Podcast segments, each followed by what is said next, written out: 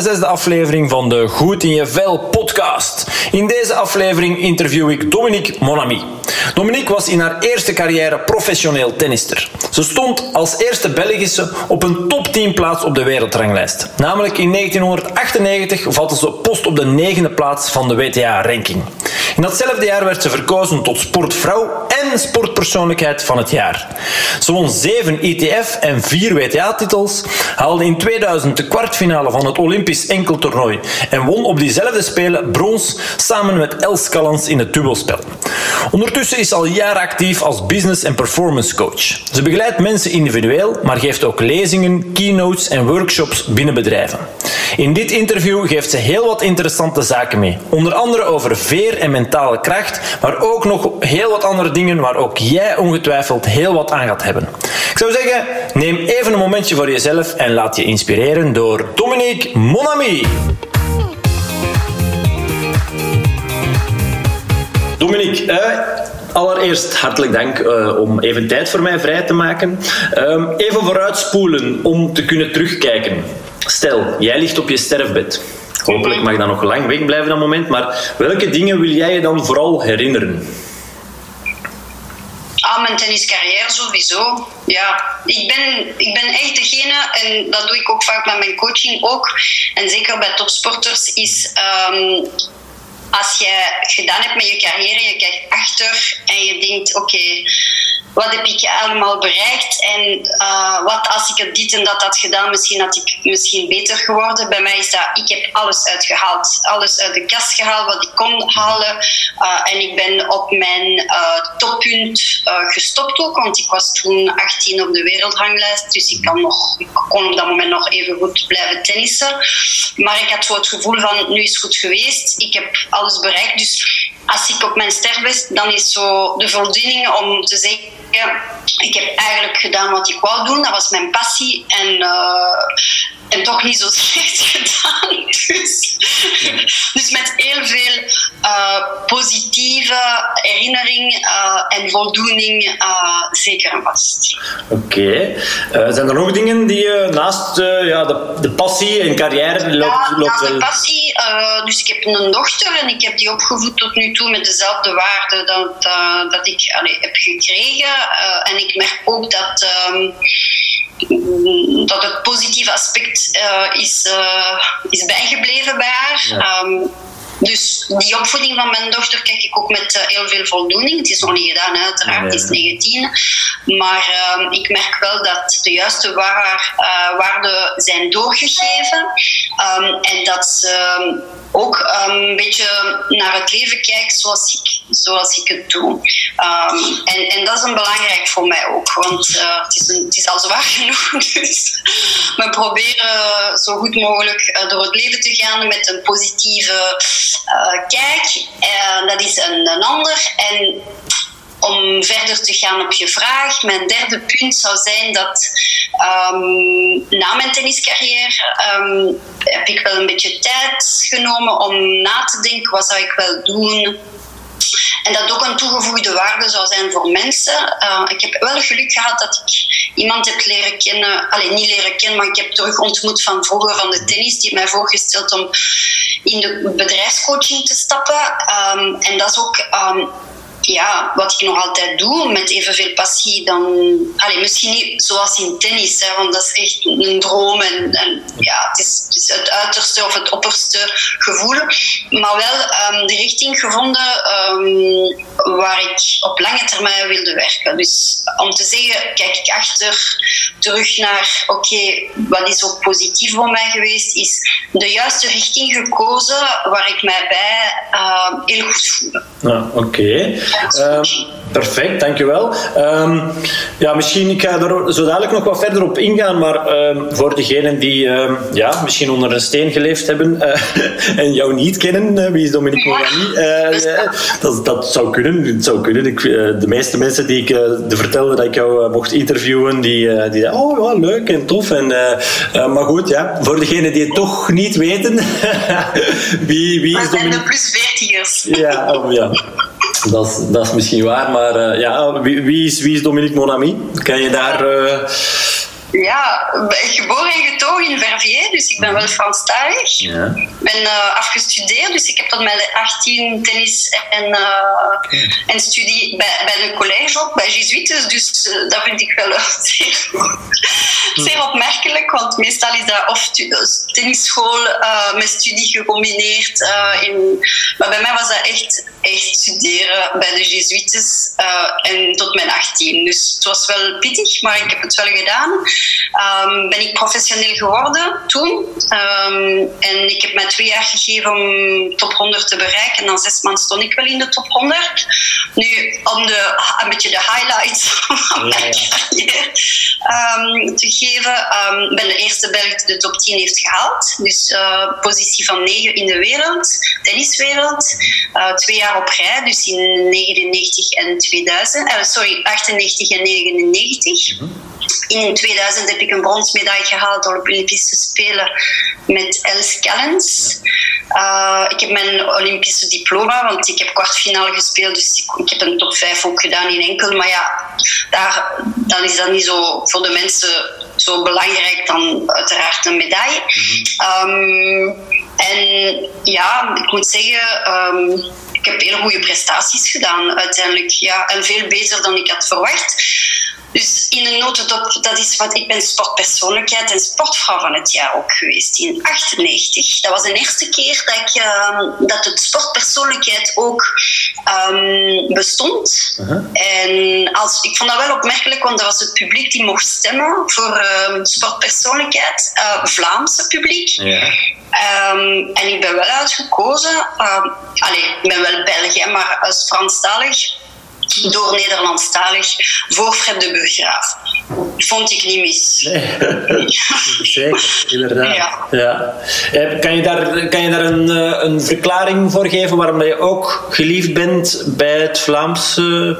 Ik denk dat mijn, mijn, mijn karakter ook, mijn gedrevenheid, uh, nooit opgeven, um, vechtertje, maar wel ook um, dat mijn attitude op terrein, ik dat wel mag, maar, eerlijk zijn dat ik een voorbeeld was voor, voor meisjes, ook een beetje te inspireren om te tennissen. Um, en ja, niet, nooit opgeven, veerkracht getoond en, en vooral mentaal ijzersterk. Ja, mag ik dat wel gebruiken? Ja. ja. um, is daar misschien ook een, een verband te vinden? Je coacht nu mensen uh, vooral mentaal, toch? Als ik ja, het is redelijk breed. Uh, ik, ik, werk in een bedrijf en sport. Mhm. Dus sport doe ik mental coaching. Um, dus neem ik eerst uh, mijn ervaring vanuit topsport. Mijn eigen ervaring en wat ik heb meegemaakt tijdens mijn profcarrière. En tegelijkertijd heb ik natuurlijk opleiding gevolgd om de juiste tools te... Dus dat is een combinatie van de twee. Mhm. En dat is echt mental coaching. Dus dat is puur over ja, vooral individuele sporter. Um, en dan ja, doe ik coaching, maar meer naar bedrijf. En dan is dat performance coaching, energy coaching, ja. career coaching, uh, veerkrachtcoaching. Dus dat is redelijk breed. Uh, en dan sinds 2008 heb ik mijn opleiding gevolgd van die allerlei soorten coaching. Ja. Oké, okay, goed. Um, ik, ik, ik zei, eh, daarnet zei je een paar keer, um, als ik vroeg van welke dingen wil jij je vooral herinneren, zo die, um, ja, die positieve herinneringen, positieve aspect ook bij je, bij je dochter uh, meegeven. Uh, is dat iets wat belangrijk is voor jou, zo positief in het leven staan? Ja, dat heeft mij enorm geholpen, ook in mijn professionele carrière ik ben positief ingesteld, maar ik ben ook realist. Hè? Pas op, hè? want het is niet altijd euforisch. Uh, maar door, ja, dat heeft mij, ja, ik zeg, dat heeft mij enorm geholpen nog altijd. Um, want als je positief naar het leven kijkt, um, zelf is het te moeilijk, kan je nog altijd uh, eruit uh, raken. Um, want het leven is niet gemakkelijk. Dus als je die positiviteit kan bewaren, denk ik dat dat een, een belangrijk aspect uh, in het leven om, ja, ik zeg het ook, veerkrachtiger te zijn. Ja. Um, dat is een feit, ja. Ja, oké. Okay. Um, ja, ik ben wel benieuwd. Hè, je zegt van ik probeer de, mijn dochter dezelfde waarden mee te geven dan de waarden die jij zelf hebt meegekregen. Um, dus inderdaad, ja, positief in het leven staan. En, en, maar zijn er nog dingen, kan je nog dingen noemen die je zegt? Respect. Ja, respect. Ja, dat is uh, op nummer één sowieso. Respect voor jezelf en respect voor andere mensen. Mm -hmm. um, ja, dat je niet te rap gaan de mensen oordelen. Uh, wat een beetje de neiging dat we hebben als mens. Mm. Ons, onze mening over iedereen en nog wat. Uh, in het begin van je leven is natuurlijk ja, iets, iets dat je automatisch doet, maar met de jaren je oké, uiteindelijk wie ben ik om daar nederigheid, uh, maar ja, moet ook niet te nederig zijn, maar ook niet de omgekeerd. Uh, niet te opportunistisch in de, in de verkeerde zin. Um, dat wel, um, ja, veerkracht en, en ik zeg het ook, uh, doorzettingsvermogen is, belangrijk. Ja. Uh, want ik neem een voorbeeld van mijn dochter die vorig jaar ingangsexamen heeft gedaan voor geneeskunde. Die was wel door, maar die mocht niet starten, want ze had drie punten kort. Dus dat is een vraag. Het is heel zwaar, mentaal, heel zwaar en emotioneel ook. En toch is het wel doorgekomen. En ik denk dat veel sterker is uitgekomen dan, dan ik had persoonlijk ook verwacht. Um, dus dat is zo één manier. En door haar positiviteit kijken naar, oké, wat zal ik nu doen? Welke oplossing volgend jaar opnieuw doen? Merk ik wel dat, als ik zeg de waarde dat al wat ik heb nu vernoemd, uh, dat zit erin en dat is wel goed. Oké. Hoe ging je zelf in je carrière? Want oké, goed, je hebt daarnet uh, de mooie momenten uh, opgesomd. En, en, inderdaad, ik denk dat je daar terecht heel trots op mag zijn. Maar goed, zoals je ook net aangaf, het leven is niet altijd makkelijk.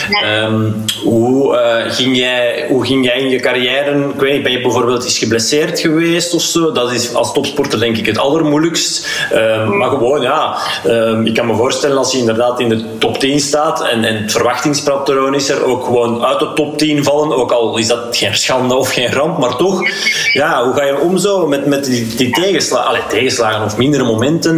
Ja, dat zijn, ja, op bepaalde momenten is dat wel tegenslagen, moet je zo bekijken. Maar um, ik heb nooit een zwaar, zwaar kwetsuur gehad, dus ik heb nooit echt lang moeten stoppen. Ik heb wel um, een kwetsuur gehad, die heeft mij wel een jaar toch uh, heel lastig uh, gemaakt. Uh, want ik had tendinitis aan de fascia lata. en dat is heel stom ge gebeurd door, door een training met de verkeerde persoon die tennisles gaf. En die zei, ja, we gaan conditie doen en dan doen we een oefening. En dat heeft mijn, mijn knie, die nog altijd, ja, nog altijd niet 100% is, mhm. beschaad. Um, daar heb ik wel moeten zoeken naar alternatief en opnieuw hè, positief. Maar um, ja, ik heb zwaar moment gehad. Ja, absoluut. Ja, het, was geen, geen een topsportcarrière is niet alleen positief. Het is al begonnen op leeftijd van 14 toen de federatie kwam kijken en die zei ja, met je opslag ga je nooit raken, je bent niet goed genoeg enzovoort. Mm En dan, dan waarschijnlijk heb je daar twee keuzes. Of eerste keuze is, oké, die hebben gelijk en oké, ik ga tennissen, maar ik ga verder studeren. Of, of denk je op dat moment, ik ga je bewijzen dat ik dat wel kan. Um, en dat heb ik wel gedaan. Dus ik heb echt effectief... Maar die man heeft mij wel ergens geholpen. Maar dat kost wel energie, hè? pas op. Hè? Want je moet constant bewijzen. Dat is een beetje het, het nadeel van, van mijn carrière persoonlijk. Is het dat constant moeten bewijzen. En zoals je zegt, ja, verwachting van de mensen top 10, verwachting van de mensen dat je als je een kwartfinale ook niet een kwartfinale gaat spelen in een Grand Slam. Um, ja, hoe hoger dat je staat, hoe meer verwachting. Uh, en, en dan zie je wel dat dat niet altijd zo evident is. Maar um, dat heb ik wel gemerkt gedurende mijn ganse carrière. Zelf als ik aan de top was. Uh, en daarom ben ik een, een stuk daarvoor ook gestopt. Want het was wel zwaar om constant te bewijzen. En ik heb een jaar waar ik heb ook ja, waar ik uit de top 100 stond. Um, ja, een stuk ook. Allee, dat was niet door mijn, mijn kwestie, maar dat was een combinatie van de twee. Maar na twee maanden, de jaar nadien, stond ik terug in de top 100. Dus dat heeft niet lang. Ja, het moment dat ik dacht, waarom doe ik het? Maar ja, de passie is er en de gedrevenheid is er en dat zijn zo van die momenten, maar het gaat wel, bij mij ging het wel snel voorbij. Ja, oké, gelukkig. Uh, Ik denk dat daar wel inderdaad, is dat iets wat je misschien ook wel uh, aan de luisteraar kan meegeven. Hè? Je, je, je zegt zelf van die, die meneer kwam kijken en, en gaf aan van je bent niet goed genoeg. Ik denk dat we dat allemaal wel eens uh, meemaken. Dat je, al is het maar in de middelbare school of zo, een boekbespreking of je staat voor een groep en, en uh, voor mezelf spreek ik ook nu even. Ik, ik heb altijd, uh, en nu terug, maar, maar altijd gedacht en geloofd van, van ik, ik spreek graag voor, voor een groep mensen. Ik, ik ben een entertainer eigenlijk. Hè. Ik, ik, um,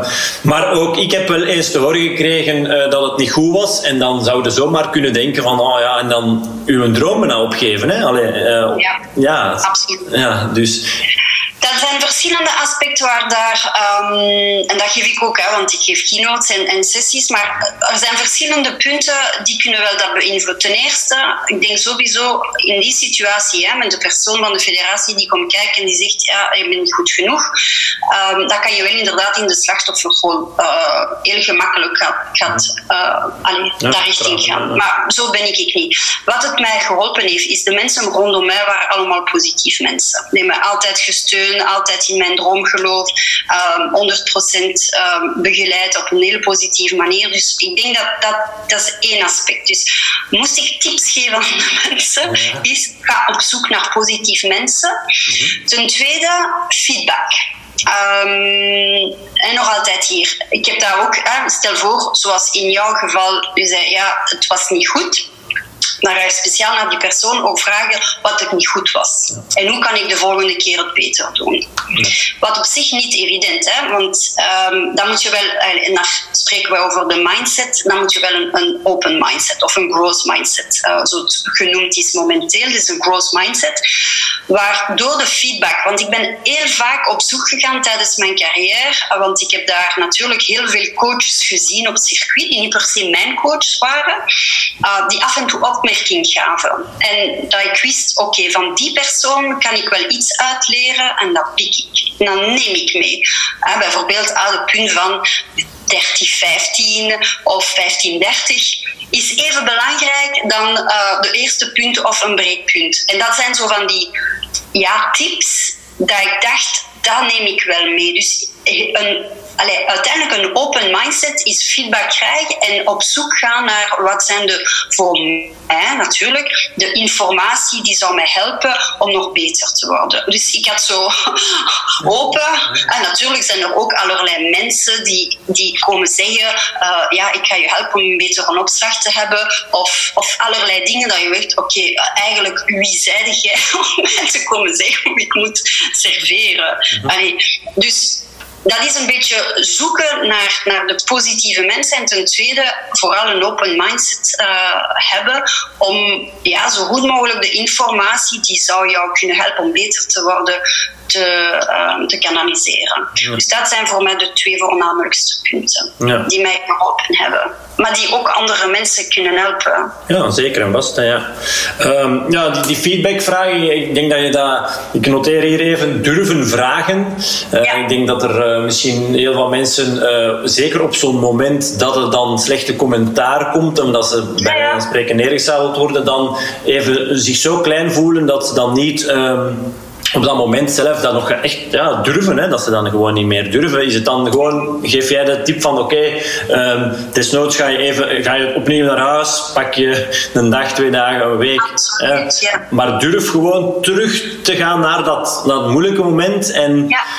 Ook te voelen. Ja, en durven vragen, uh, want krijg je geen feedback, uh, en dat is ook één dat ik geef aan de mensen als topsporter, maar ook denk ik voor het mensen in het algemeen, geen feedback krijgen is nog erger. Want dat, staat, dat, dat weet je niet. Waar sta ik momenteel? Ben ik nog, nog goed genoeg? Wat doe ik goed? Wat doe ik slecht? En dat is een beetje ik zou ik zeggen, momenteel voor mij ook, als ik een keynote ga geven, dan, dan krijg je, ja, het was wel interessant enzovoort enzovoort. Maar soms heb ik zoiets van, ik zou zo graag hebben dan iemand dat ik ken, hè, die objectief is uh, en die gaat mij ook uh, ja, een, een eerlijk feedback geven, weten is dat effectief goed? Heb ik het goed gedaan? Moest ik iets anders doen? Wat zou ik anders doen?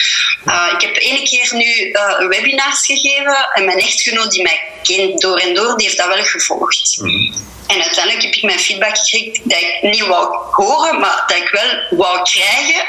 Ehm, en, en die op een objectieve manier en, en eerlijke manier mij gezegd van kijk, ja, dat klopt hier niet. Of dat kan wel beter. En dat heb ik nodig. Ik vind het op zich niet erg. Ik heb veel liever negatief feedback dan geen feedback. Want dan tenminste kan je wel iets... Nu, natuurlijk, bij negatief feedback, dan moet je wel zien, is dat wel een toegevoegde waarde of niet? Wil je dat wel veranderen of niet? Ja. Allee, maar zoals gezegd, dan, dan neem je 24 uur of 48 uur om erover na te denken, bezinken, verteren en dan oké, dat wel, parkeren, klasseren of dan neem ik wel mee naar de toekomst. Ja. Zo bekijk ik de feedback. Ja. En noem ik het feedback is food for champion in feite. ja, oké, mooi. Uh, de growth mindset uh, geef je er net aan. Uh, ja, het, het willen groeien. Hè? Um, ik denk dat het zeker als mens mooi kan zijn om um, te willen groeien, te willen evolueren. Maar langs de andere kant um, denk ik ook dat daar wel een gevaar tussen aanhalingstekens uh, in schuilt. Um, de lat ligt ook gewoon heel vaak zo hoog voor, ja, voor ons als mens.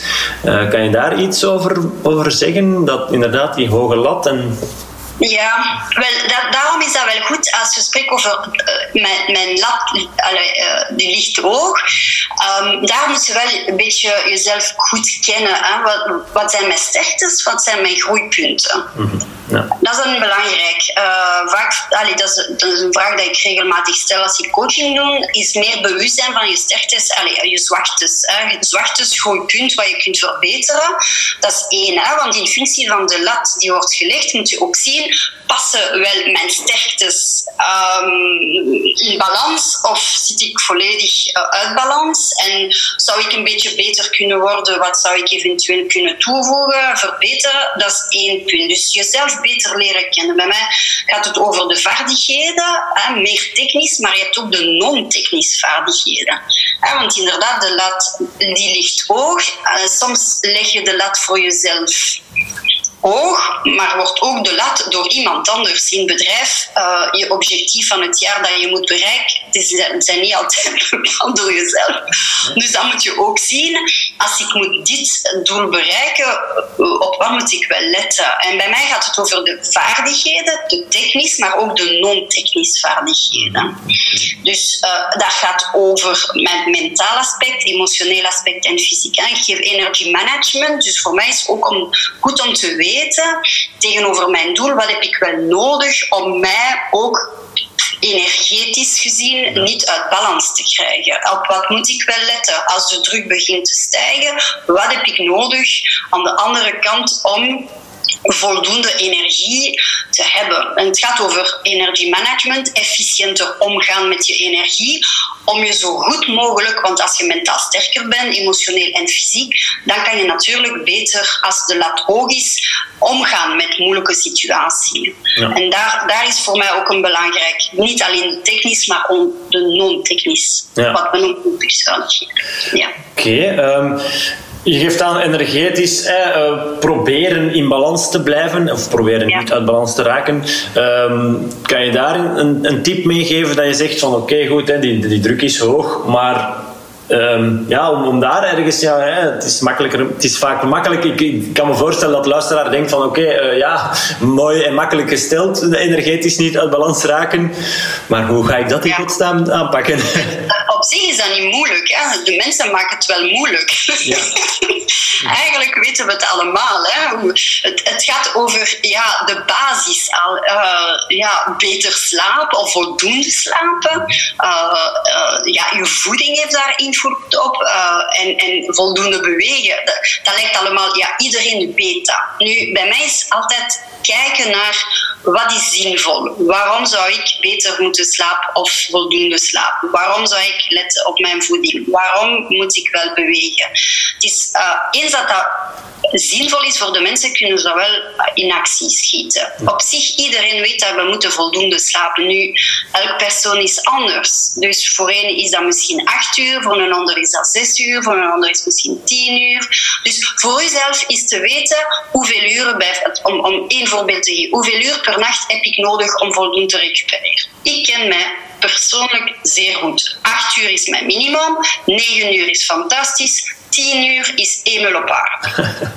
Maar dat is mij. Dus ik weet wel, als ik niet acht uur slaap, moet ik wel opletten in de komende dagen dat er niet herhaald worden. Want dat betekent dat er iets niet klopt. Dus ik let enorm veel op mijn slaap. Waarom? Want daar heb ik wel 100% controle op.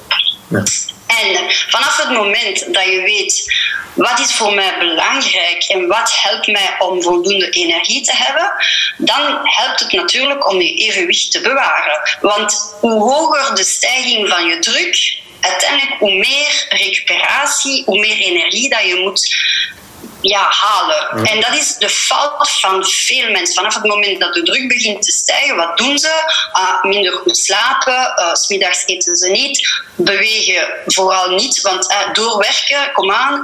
Uh, en dan ja, mijn ontspanning van, ja, ik ga sporten, ja, ik heb geen tijd om te sporten. Dus je begint alles verkeerd te doen. Terwijl, en dat is het voorbeeld dat ik geef vanuit de topsport, ik kijk naar Roland Garros. Roland Garros is één dag op de twee moet je spelen. Dus ik moet ervoor zorgen dat als ik mijn eerste wedstrijd heb gewonnen, dat ik 100% van mijn energie terug ga krijgen de dag dat ik mijn tweede wedstrijd ga spelen. En het enige manier is letten op je energie, want je hebt controle over. Terwijl ja, de druk niet altijd, de verandering niet altijd, wat de mensen erover denken niet altijd. Dus daar gaat het om. Dus waar let ik wel mijn focus? Het is op mijn energie vooral waar ik zelf het verschil kan maken. Ja, oh ja. dus inderdaad waar je zelf weet van hier heb ik controle over. Je hebt over zoveel dingen geen controle, maar zeg je dan ook van laat dat dan maar los? Ja, ik zou zeggen in drukke perioden, in plaats van je, je uh, energiebronnen te gebruiken, zou ik daar misbruik van maken. Ja. Want je weet op dat moment, ik heb het nodig. Want topsport, top presteren betekent top energie. En in het bedrijf is dat identiek hetzelfde. Terwijl ik zeg vaak voor mensen doen gewoon de omgekeerde. Ja. Druk, ah nee, ga ik niet. Dan ga ik smiddags mijn sandwich eten, terwijl ik ben nog altijd met mijn computer bezig. Ja, ja. Om een voorbeeld te geven. Dat, je dat is vaak de antwoord dat ik krijg van mensen als ik ze coach. Ah, ik heb geen tijd voor. Ah, dan moet je tijd voor maken. Dan. Als je vindt dat het belangrijk is voor jou, dan moet je tijd... Agenda, een uur, een afspraak met jezelf bijvoorbeeld. Ja. Uh, sowieso, daar volg ik uh, 100% in, inderdaad. Uh, ik geef het ook wel mee aan cliënten. Goed, middags, ja, geen tijd, ja, plan het dan in. Hè. Gewoon tussen 12 en 1, geen afspraak zetten, klaar. De eerste 20 minuten of 25 minuten eten klaarmaken. Ja. 20 minuten eten en nog 10 minuten even je leggen desnoods of, of recupereren. Ja. Um, maar inderdaad, je gaf het daar net al aan van het, de why erachter. Hè. Waarom zou ik dit, dit doen? In, kan je, kan je iets zeggen over inderdaad uh, het bepalen van, van een doel? Uh, heel veel mensen willen misschien ja, wel afvallen of, of meer energie, maar vaak is het dat misschien, moeten ze nog durven dieper graven of zo? Want de echte why, waarom? Ja, ja als je bij je werk is, dat waarom doe ik wat ik doe? Hè? Dat is de why van Simon Sinek en de Golden Circle. Dat, dat weet allez, zo goed als iedereen die een beetje volgt nu eh, de, de tendens. Um, bij mij is vooral, ja, je linkt aan mijn motivatie. Als dat niet zinvol is, dat ga je niet volhouden. Dus het moet zinvol zijn. Dus als je een doel wil bepalen, het moet zinvol. En bijvoorbeeld, ik moet vermageren. Ja, ja, is dat zinvol voor mij? Ja, het is zinvol. Dan moet je wel zien welke ondersteuning heb je wel nodig. Doe een doel die wel haalbaar is ook. Hè. Ik, ik wil in één keer 20 kilo afvallen, terwijl dat, dat ik weet in mijn eigen, dat is gewoon mission impossible. Uh, ga ik dat niet doen. Dus van, voor mij een doel en, dat en dat is je why moet zinvol zijn ten eerste en ten tweede het moet haalbaar. Het kan wel een beetje challenging zijn, hè, absoluut, want te gemakkelijk is dat ook niet motiveren. Mhm. Um, maar, maar vooral ook, zoals je zei, de lat. Waar ligt de lat? Hè? Is dat niet te hoog gegrepen? Want op een bepaald moment ga ook je motivatie kwijt, want het is gewoon te veel. En je moet het graag doen. Ja. Ik ga zeggen, misschien vermageren doe ik het niet graag. Maar als ik een foto misschien van, van mij tien jaar geleden met mijn 10 kilo, dat, dat is het beeld dat ik zou graag willen hebben. Dan heb je, allez, je maakt je doel ook een stuk zichtbaar. Uh, dat is een belangrijk. Als wij in, allez, in topsport, wij maken ons doel altijd zichtbaar. Ja? Dus dat je weet, dat is de visie. Hè? Mijn Olympische Spelen, mijn gouden medaille, dat was mijn doel, een medaille, maar allee, laat ons voor de gouden medaille halen. Je die medaille? Ja. Ik zag het voor mij. Dus ik zag het podium, ik zag mij op het podium staan. Dus jij maakt het zichtbaar. Hè? Ten, ten, eerste, het moet ook realistisch zijn. Hè? Dus het is wel mooi en wel om te zeggen, ah, ik kan naar de Spelen, ik wil een medaille halen. Terwijl dat je weet, er zijn misschien twintig mensen veel beter dan jou ja. wordt ja, moeilijk. Hoe zit het met mijn motivatie? Dus dat zijn die factoren die voor mij belangrijk zijn vanaf het moment dat je zegt: Oké, ik wil afvallen of ik wil een betere conditie. Um, dus je maakt het zichtbaar en um, vooral ook meten is weten. Ja. Dat is de belangrijk. Want bijvoorbeeld, ik wil een betere conditie ah, um, en, en plezier hebben. En dan gaan we naar, naar sporten. Ah, ik ga teruglopen ja, maar ik haat lopen. Maar mijn vriend die zegt dat dat goed is. Ik geef het voorbeeld van mij, mijn man. Mijn man die loopt marathon. Ik haat lopen. Ik spurt graag, maar ik, van lang lopen, dat is niks voor mij. Dus ja, maar het is goed voor je conditie. Ja, oké, maar voor mij is dat niet zinvol. Dus ik ga het niet volhouden. Dus voor, vaak voor mensen, je moet altijd kijken welke sport zou ik doen om ja, daar plezier in hebben en tegelijkertijd een betere conditie. En iedereen is anders. Dat is één aspect. Ten tweede, dus plezier. En ten tweede, meten is weten. Waarom? Doe altijd een test. Als je, ik heb gedaan met mijn seizoen, ik ga terug uh, trainen voor de volgende seizoen. Wat doe ik met mijn conditietrainer? Wij testen. En waar sta ik momenteel? En op basis daarvan kan je wel een programma maken. Een beetje hetzelfde van ik heb een bepaald doel. Waar sta ik momenteel? Hoe kan ik de volgende stappen eigenlijk op, op korte termijn de volgende stap zetten om uiteindelijk mijn einddoel te haken? Ja. Oké, eh, het, het, zichtbaar maken van een doel, is dat dan ja, echt een beetje visualiseren? Is dat dan vooral echt mentaal? Of, uh, of zeg je van ja, nee, uh, had jij bijvoorbeeld een, een, een foto van, van een gouden medaille op, op je spiegel hangen? Ik, ik, weet het niet. maar... Ja, maar dat is, dat is, ja, dat is mentaal, dat is puur mentaal. Ja, dus ja, ja, ja, ja. Jezelf... alleen, alleen met je mentale, ja, men, ja puur mentaal. Ah ja, want jij, jij weet waar je naartoe moet. Je weet welke inspanning dat je moet leveren. Je weet uh, welke stappen uh, dat je moet zetten om je doel te bereiken. En het heeft invloed op je motivatie. Dus het is 100% mentaal. Ja, oké. Okay. Um, uh, ik, ik kan me voorstellen, ja, we hebben er juist al, even, al kort even aangehaald, maar zo, um, ja, in een carrière, um, zo de, de, de druk, hè, die hebben we er net al aangehaald, maar zo echt het stressaspect. Hè, ehm, de druk is misschien nog iets anders, maar zo, ja, het moeten presteren. Het, het veld op, opstappen bijvoorbeeld, of inderdaad uh, setpoint, of, of allez, ja, in, in, jouw geval dan. Um, zijn er daar dingen die je zegt van, oh ja, dat is echt wel, dat heeft mij geholpen, of geef ik de mensen die ik, uh, die ik begeleid mee? Um, ja, als je kijkt vooral naar, niet per se naar mij, maar andere topsporters, is wij kikken op. Hè. Wij kikken op die moment. Hè. Uh, ja, je bent competitief of je bent het niet. Je wordt het niet. Dus um, dat is één. Dus kikken op, de, op, op, op competitie. Um, ja, ik, ik, voor mij is dat duizenden keer meer stimulerend als ik 15.000 mensen heeft, allez, heb sorry, in een stadium dan als er drie, drie in het stadium. Uh, dat is een feit. Uh, omdat ik ook ik denk dat voor, voor, in die situatie momenteel met corona, waar je zegt ja, je moet voetballen in een lege stadium of je moet gaan de Tour de France zonder publiek of ook zonder publiek. Voor heel veel uh, atleten is dat gewoon niet motiverend. Dus dat is één. Nu, stress, um, ja, je leert wel bepaalde technieken. Hè? Vooral dat is voor mij een stress, een punctuele stress. Dat is nog altijd iets anders dan een, stressperiode, is een punctuele stresssituatie. Je speelt voor een, voor een medaille, of je speelt voor een Grand Slam, of je speelt voor een titel. Ehm, dus op zich speelt dat niet zoveel uit voor wat, maar hoe ga je om met die punt, met die actie, met mag niet uit.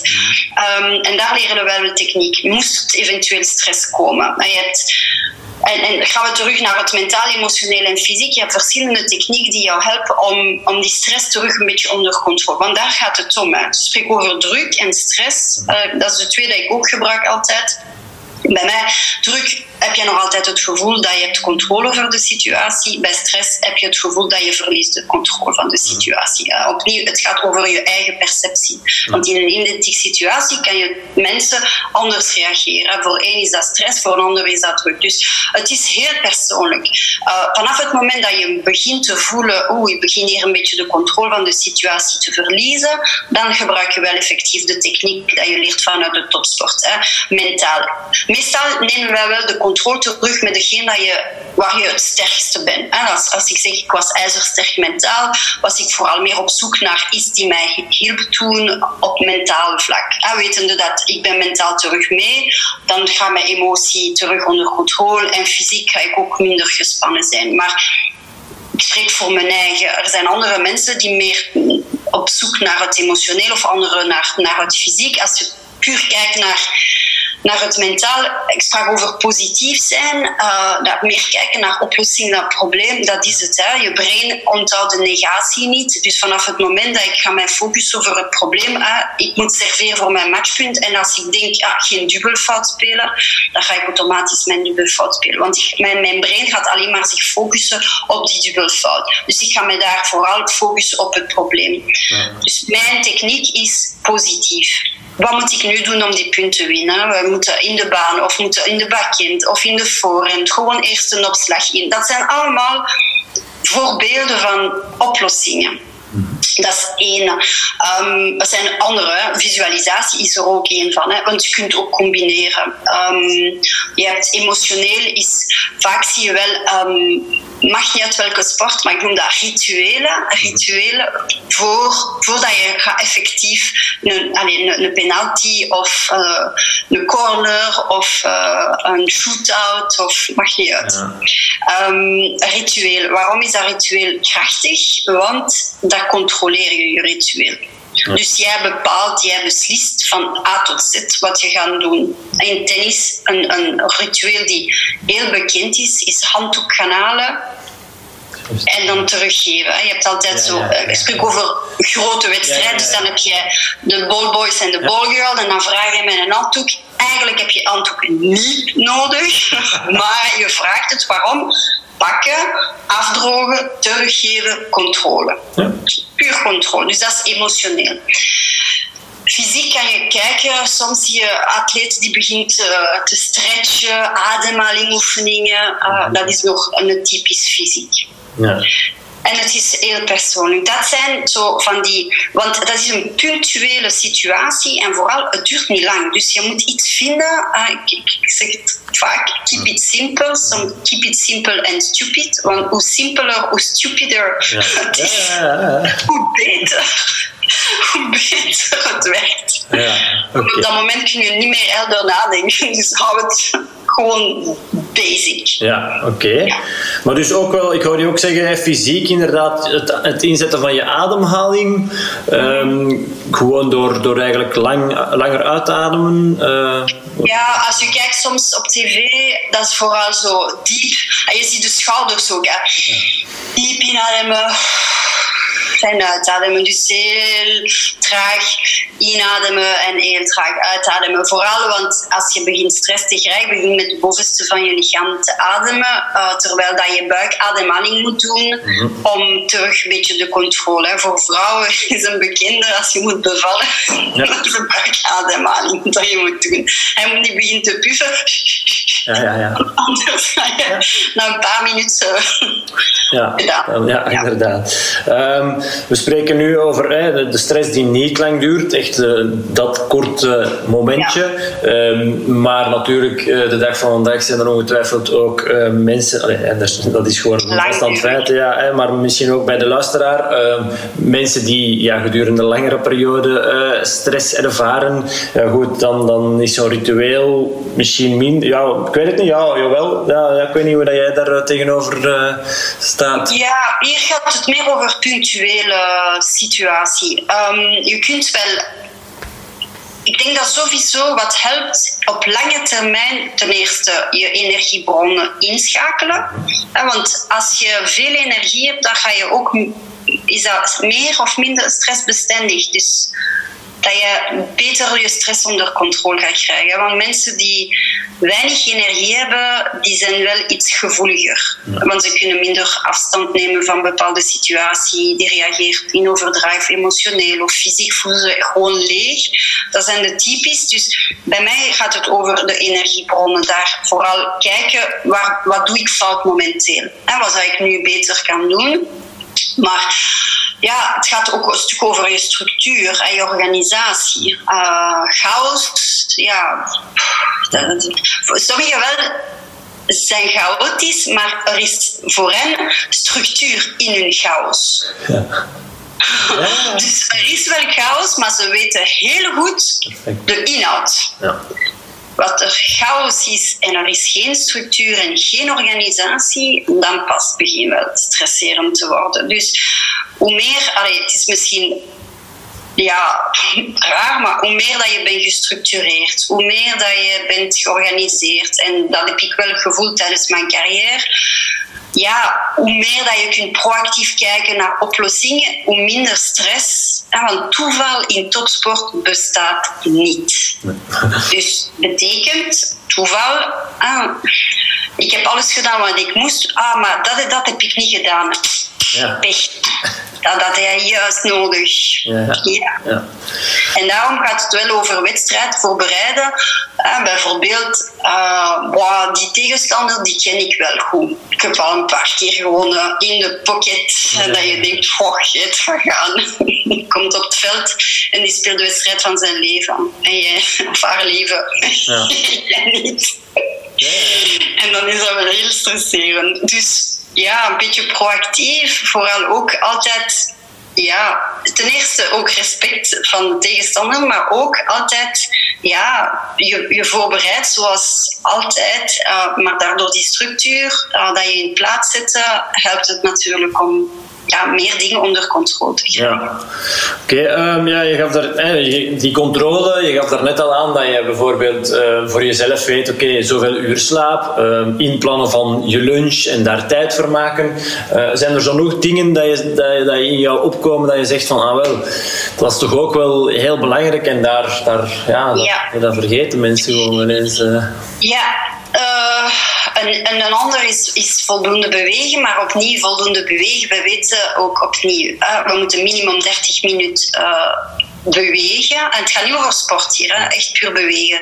Bij mij, de tip dat ik geef aan de mensen, het is beter drie, drie keer 10 minuten per dag uh, bewegen dan 30 minuten morgens of 30 minuten s'avonds. Waarom? Want wij, wij hebben energiecurve. Dus gedurende anderhalf uur tot twee uur hebben wij wel energie en dan krijgen we een kleine diep en terug twee uur en dan een diep.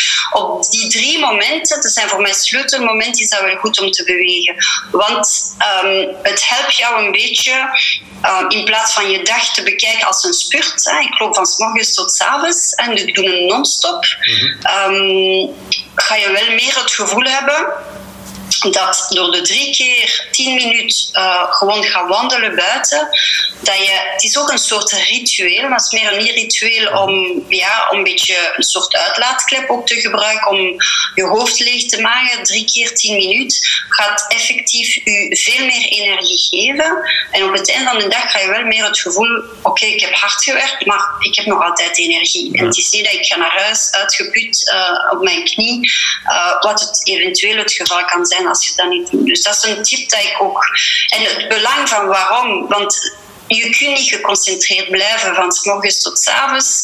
Uh, er zijn momenten waar je, je aandacht minder is. En het is juist op dat moment dat het ideaal is om te gaan ja, rechtstaan, um, bewegen, een tiental minuten en terugkomen. Ja. Dan ga je wel voelen dat je ook op je werk veel efficiënter gaat zijn. Ja.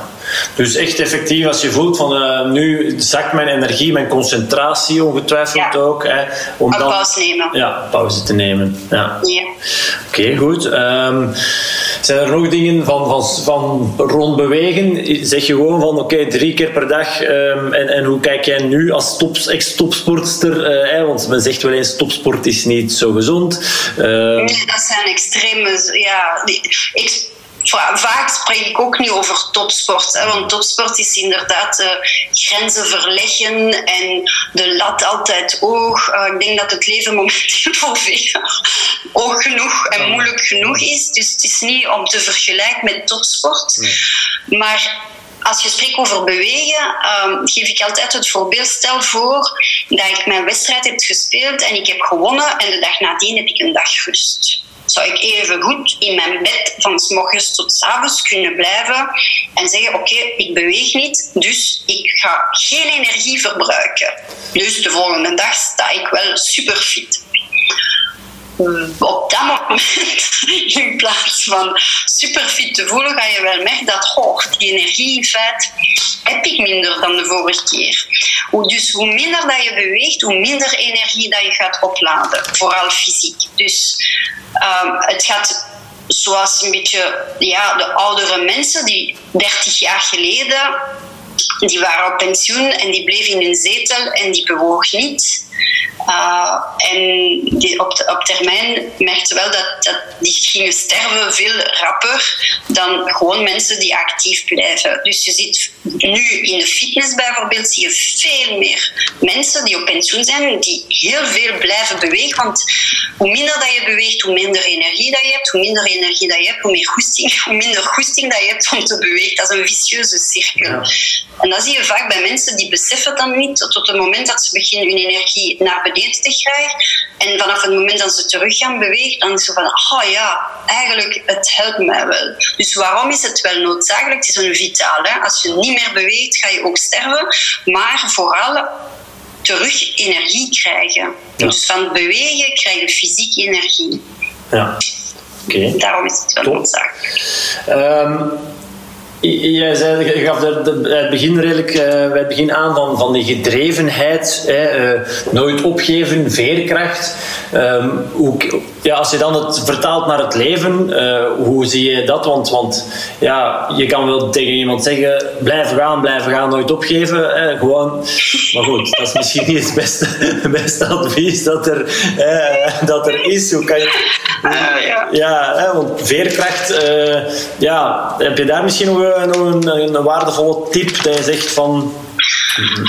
Ja, doorgaan, doorgaan, uh, niet. Hè. Want ja, dan, dan vliegen tegen de muur, dat is ook niet de bedoeling. Daarom dat ik zeg, je moet vooral jezelf kennen. Wat zijn je grenzen?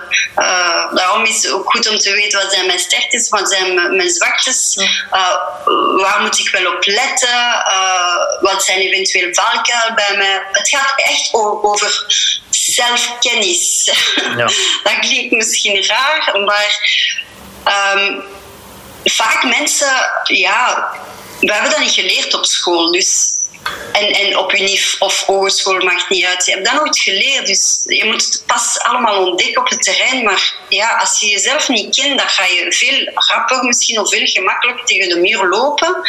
Uh, want je kent je limiet niet. En vaak is ook mensen die bijvoorbeeld een burn-out of een depressie hebben meegemaakt. Mhm. En vooral ook burn-outs zijn mensen die ja, die, die, die zwak zijn, die zijn, die zijn blijven doorgaan. Hè. dus doorgaan, doorgaan, tot het moment dat ze liepen tegen de muur en dan besef van oei, oké, dat is iets, ik wil dat niet twee keer meemaken. En dan pas besef, oké, wat zou ik nu anders moeten doen? Maar je kunt dat wel vermijden of anticiperen vanaf het moment dat je weet, en het gaat puur over je energie. Ken je jezelf? Weet je wat je nodig hebt? Dan ga je wel iets minder het probleem krijgen. Maar heel veel luisteren ook naar je lichaam. Ja. Ja, maar je lichaam is een, is een bron van informatie. Eh, Een, een topatleet, daarom toeval bestaat niet. Waarom? Wij kennen ons door en door. Ja. Ik luister naar mijn lichaam. Het wil ook niet zeggen, ik luister naar mijn lichaam dat ik effectief het nodige doe. Dat is iets anders. Hè? Want ja. je moet, ja, ik ben ook tegen de muur een paar keer over de grens. Maar ik wist het wel. Ja. Oké. Ik wist wel. Ik wist wel dat ik te ver ging. En dan de volgende keer ga je het met je fine-tune. Als je op, op, op het opperste niveau van topsport, dan is dat echt ja, fine-tuning. Hè. Dan ga je over 1%. Ja. Hè. Je hebt dat vaak... Allee, Jacques Borlet eh, is een goede kennis van mij. Hij zegt ook topsport, op het einde, als je echt spreekt over de, de topper van de topper, gaat het over detail. Daar gaat het om. Maar voordat je begint met de detail, moet je eerst de basis kennen. Ja. En voor veel mensen de basis is onbekend. Ja. Dus luister naar je lichaam, echt inderdaad durven voelen. eh, ja, naar die signalen die je lichaam je ongetwijfeld geeft, maar waar dat door, ook waarschijnlijk door de red race van het leven, doordat het Ja. altijd zo snel gaat, waar dat we eigenlijk niet durven, ook weer al durven. Hè, ja. Ja, of niet willen naar luisteren, of gewoon zeggen: oh, het gaat beter worden later. Maar je beter worden later, dat komt niet. Dus ja, Pap. tegen, tegen de lamp of tegen de muur. Zo, zo gebeurt het af en toe bij sommigen. Ja. Dat ik dat Ja, vermijden. Ehm, ja, je, je gaf daar straks al aan, hè. je hebt allerlei ook, eh, ja, één, naast jouw ervaring eh, als, als ex-topsportster ook wel wat opleidingen eh, gevolgd. Ehm, Ik denk dat dat wel, wel zeker een waarde in zit als je inderdaad aan, aan de slag wil als coach. Ik kan me ook voorstellen dat jij, allee, daar leid ik dat toch een beetje uit af, dat je wel ehm, benieuwd bent naar nieuwe dingen, dat je wel eh, wilt bijleren, dat, dat, dat je daar wel belang aan hecht.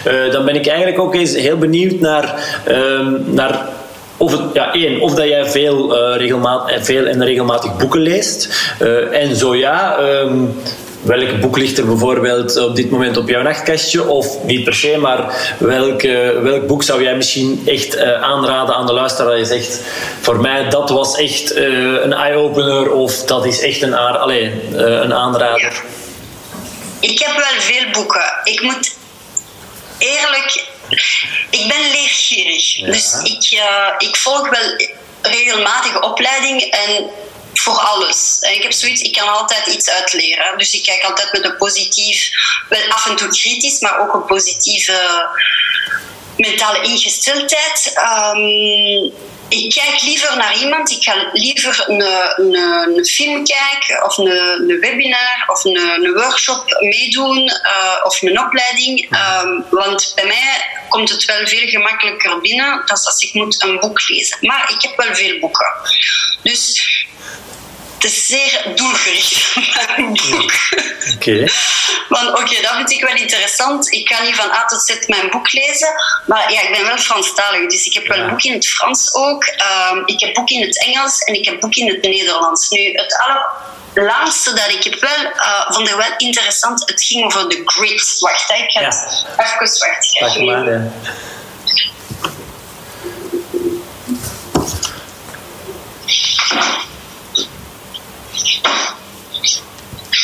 Ah.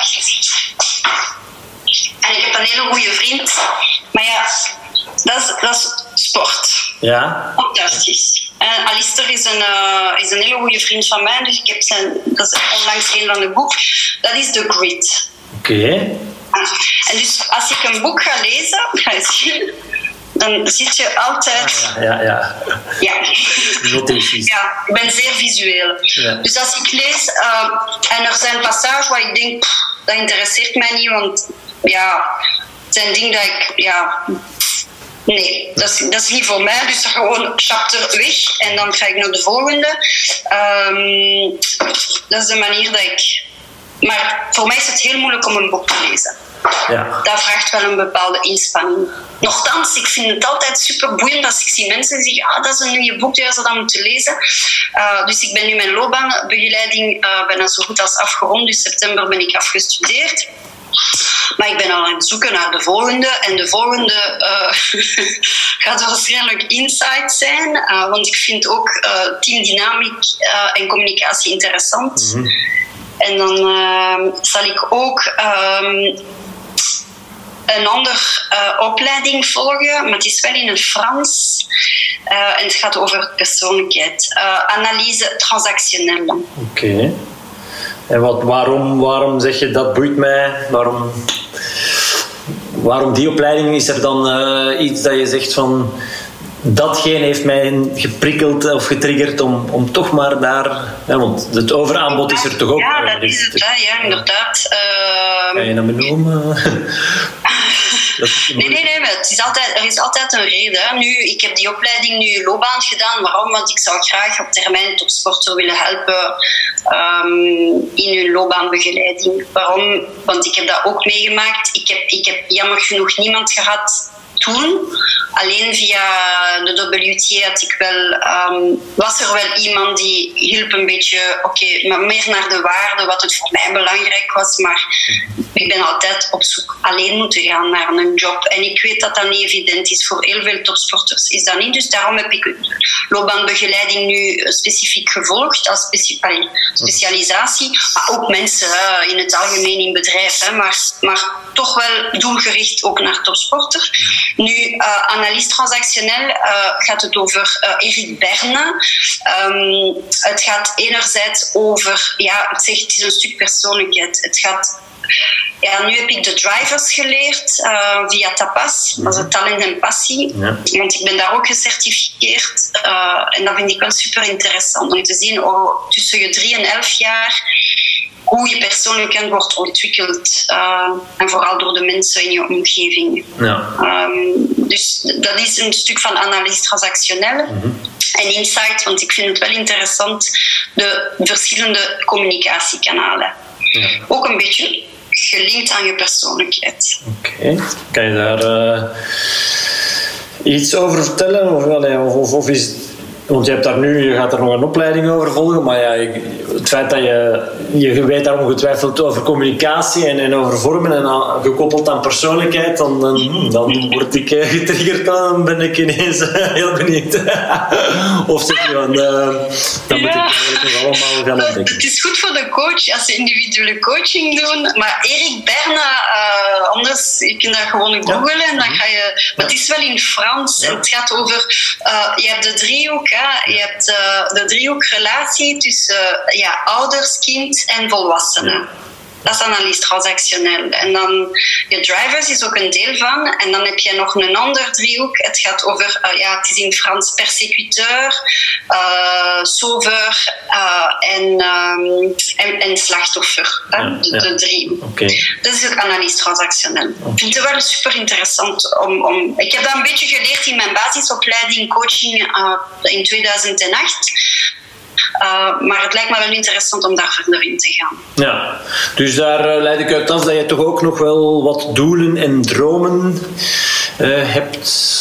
Ja, en dan... ik zeg, ik ben leergierig. Ik, ik leer ontzettend graag. Ja, oké. Okay. Voor mij gaat het over, ja, het is een never-ending story. Hè. Als je wilt in alles wat je doet, je moet blijven leren. Ja stilstaan is achteruit gaan. Dus ja. um, allee, soms moet je een tijd niet doen om gewoon verteren, uh, een beetje bezinken, zien.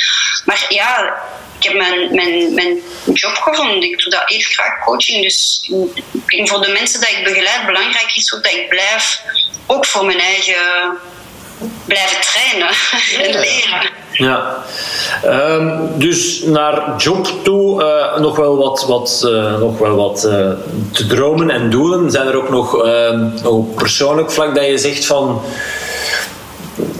Denk je daar soms over na? Of dat wil ik nog wel, ik wil, ik wil nog reizen of, of, of ik weet het niet, ja, is wat.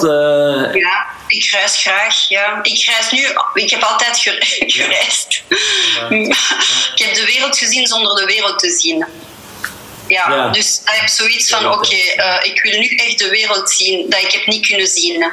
Dus uh, ik, ik heb niet bijvoorbeeld, ik heb geen appartement in het buitenland, want ik heb zoiets van, moet ik telkens naar hetzelfde plek gaan? Uh, nee, sorry, maar misschien als ik 70 ben, misschien wel. En nog, dat weet ik nog niet. Um, maar um, ik reis ontzettend graag. Dus cultuur, dat is een rijkdom. Dus mm -hmm. vind ik altijd goed om, om dat te kunnen doen. Ik ben na 20 jaar terug naar uh, Australië en Nieuw-Zeeland geweest. Ja.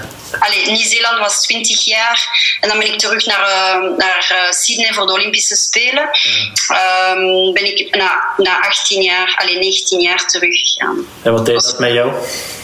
Daar terug. Ik, ik heb geweend. ja, ik dacht, goh, ik zei tegen mijn man, gaan we dat wel doen? Hij zei, ja, we moeten dat wel doen. En ik zeg, oh, oh. En wij kwamen door, dat was met de trein naar boven en dan ineens, niet zo super te weten, want al die emoties van toen en herinnering van ah, die plek en, en dan je naam zien op de grond bij het Olympisch Stadium. En ja, dat, ja, ja. dat is ongelooflijk. Dat is, ja, ik kan dat moeilijk te beschrijven. Uh, dus reizen doe ik wel ontzettend graag. Um, vooral gezond zijn ja, en gelukkig zijn. Ik ben heel gelukkig in mijn leven en ik wil het zo houden. Oké, top. Um, is er nog een vraag die ik jou had moeten stellen, maar die ik je niet gesteld heb? nee, alleen mijn activiteit, ja, ik doe veel. Hè. Allee, ik doe veel en niet veel. Ik ben vooral, uh, ik doe verschillende dingen. En dat is ook bij mij ook een, een, belangrijk aspect dat ik niet altijd zelf doe. Dus ik, ik, doe de coaching, individuele begeleiding, ik doe workshops, ik doe keynote, ik presenteer ook. Um, en dan ben ik nog altijd actief in sport, ik geef commentaar voor tennis. Maar ja, momenteel is er geen tennis, dus ik geef commentaar tennis.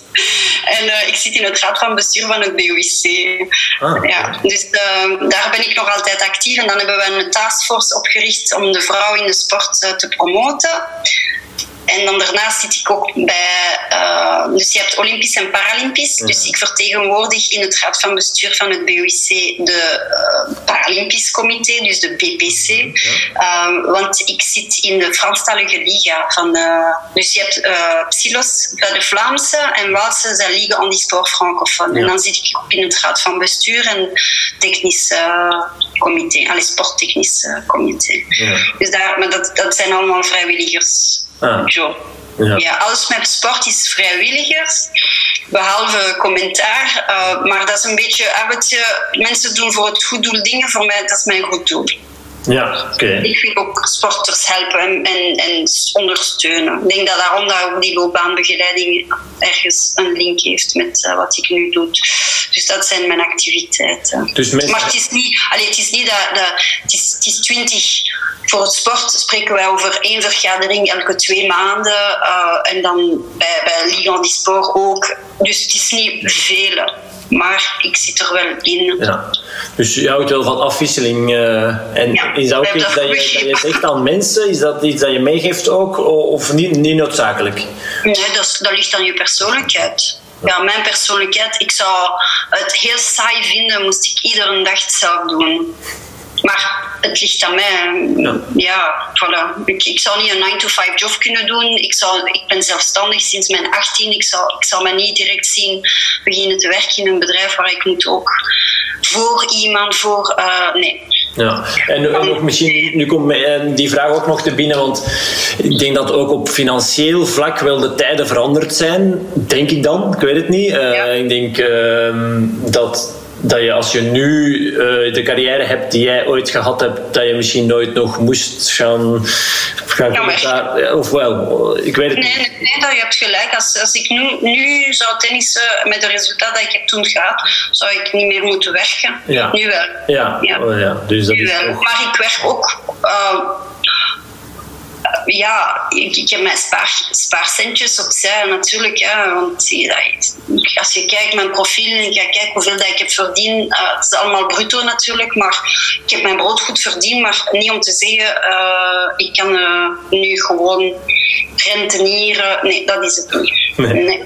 nee, nee, spijtig genoeg niet. Maar, maar zelf, allee, je carrière, dat stopt nu. Ik, heb, ik was 27,5 toen ik stopte als je niks meer doet, uh, het is wel saai. Hè? Ja. Ik bedoel, je kunt wel reizen, maar je kunt niet, niet altijd reizen. Nee. ja, daarom dat is het niet altijd zo evident. Zelf heb jij je brood goed verdiend om nadien na te denken, wat zou ik, allez, de volgende stap, wat zou ik graag willen doen. Ja. Um, zelf heb jij wel je brood ver, allee, goed, ja. goed, goed eraan verdiend. Maar daar ben jij er binnenkort voor om dan uh, die ex-topsporters uh, te begeleiden, toch? Absoluut. Oké, okay, uh, nog één vraagje misschien om, om ja. af te ronden. Ehm, als fitheid betekent dat je je gezond en energiek voelt, op een, op een schaal van, van 0 tot 100. Uh, als ik nu vraag, kom ik nog aan Ja, van 0 tot 100, ja.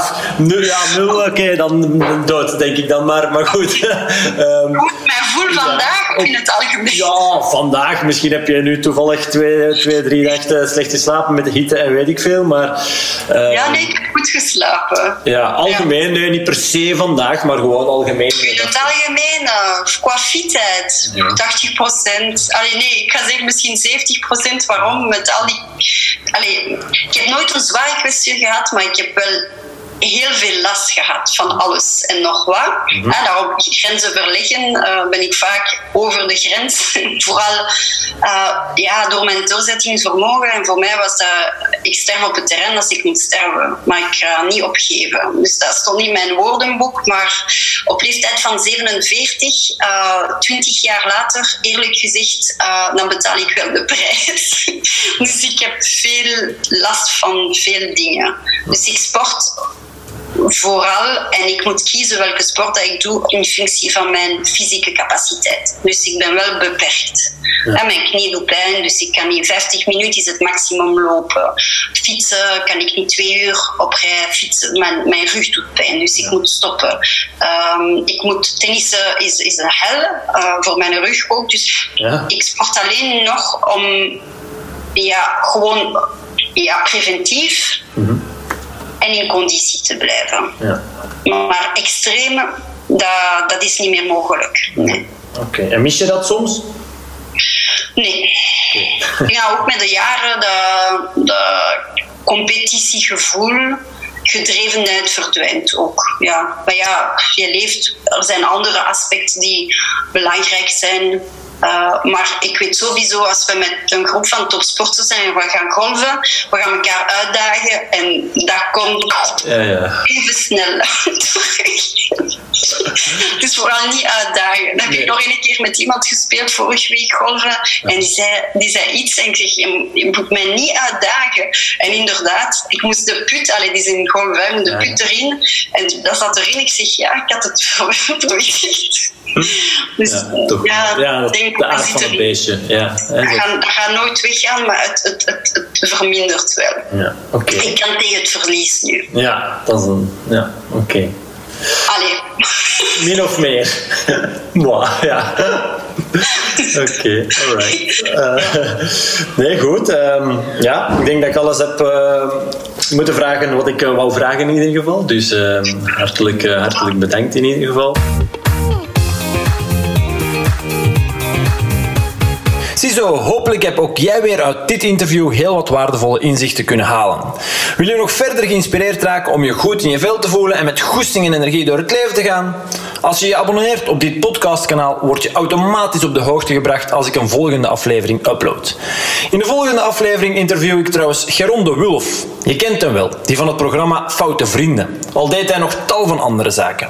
Hij vertelt je binnenkort graag meer over de struggles van het leven, paniekaanvallen, Red Bulls en proteïneshakes, het gebrek aan wilskracht, gewoontes en nog veel meer interessante dingen. Hopelijk kijk je er naar uit.